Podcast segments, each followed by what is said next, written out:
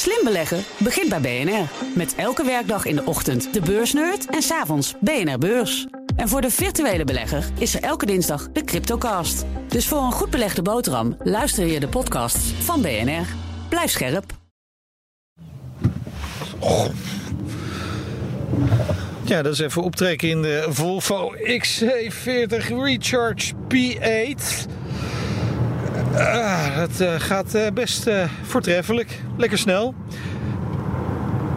Het heeft wel even geduurd voordat ze zo snel op gang kwamen met elektrische auto's. Hè. Volvo gaat wel er echt voor nu. Als we die C30 Electric met een oplage van 250 exemplaren van 10 jaar geleden even buiten beschouwing laten, en dat kunnen we wel, is dit de allereerste elektrische Volvo die op de markt komt. En deze auto vormt het eh, startpunt van een eh, veel groter offensief. Tot 2025 komt er ieder jaar een nieuwe EV op de markt van de Zweden. En daarmee wil Volvo de gemiddelde CO2-voetafdruk van zijn auto's met 40% verkleinen.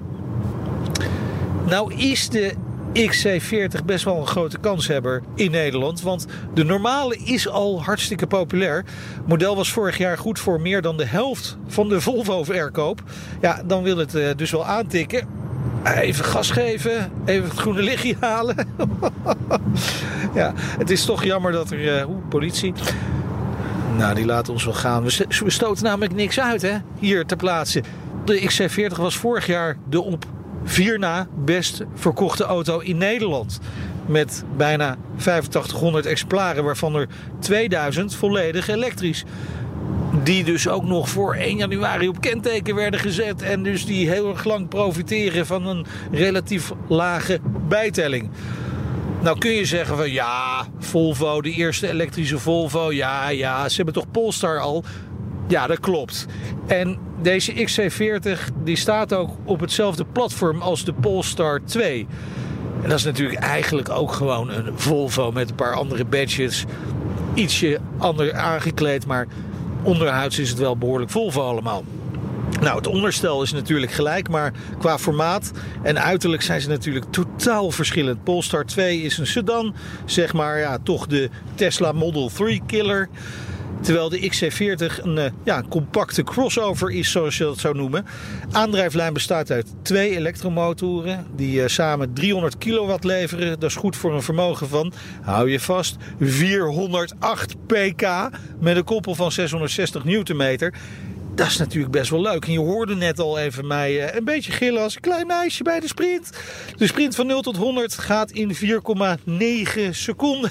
dat is gewoon best wel snel. Zeker bij een ja, SUV toch hè. En je weet, dit is een vierwiel aangedreven auto met bijna 2200 kilo. Ondanks dat zijn die rijeigenschappen eigenlijk gewoon ook wel vrij behoorlijk.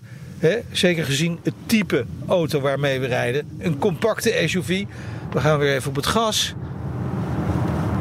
Ja, het blijft natuurlijk behelpen in de bochten. Het is nooit een sportauto. Dan kun je toch beter voor de Polestar 2 eh, gaan. Is ook geen echte sportauto. Maar die ligt wel wat uh, steviger op de weg natuurlijk. Maar het valt niet tegen.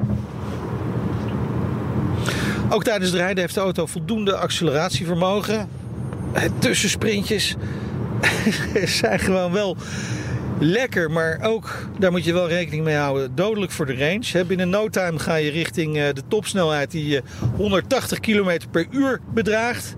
Snelheid waar tegenwoordig alle Volvo's op begrensd zijn. Dus ja, het is ook weer niet heel erg bijzonder. Het zou makkelijk veel hoger kunnen, maar ja, dan loopt je accu wel heel snel leeg.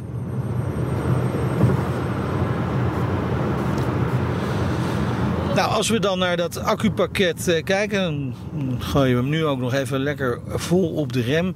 Dat kun je ook regenereren. Hè? Dan uh, gaat er weer wat uh, vermogen via de rem terug naar de accu. Nou ja, als je steeds zo hard optrekt als ik nu, dan is dat geen overbodige luxe. Het accupakket wat in de bodem van deze auto ligt is uh, 78 kilowattuur. Actieradius 418 kilometer volgens de WLTP-testcyclus. Daar mag je dus wel het een en ander van uh, afhalen. Misschien ligt het in de praktijk bij de 300 kilometer. Waarmee je, als je af en toe natuurlijk gewoon bijlaat, prima binnen Nederland uit de voeten kunt. Hè. Ga je Europa in, dat uh, biedt snelladen natuurlijk uitkomst. Dan kan je met uh, maximaal 150 kilowatt in 40 minuten laat de XC40 Recharge de accu dan tot 80% op. Laadsnelheid is ongeveer 100 kilometer per 10 minuten. Dat is op zich helemaal niet slecht dus. Volvo kiest bij deze elektrische XC40 niet voor uh, allerlei verschillende rijmodi. Uh, what you see is what you get.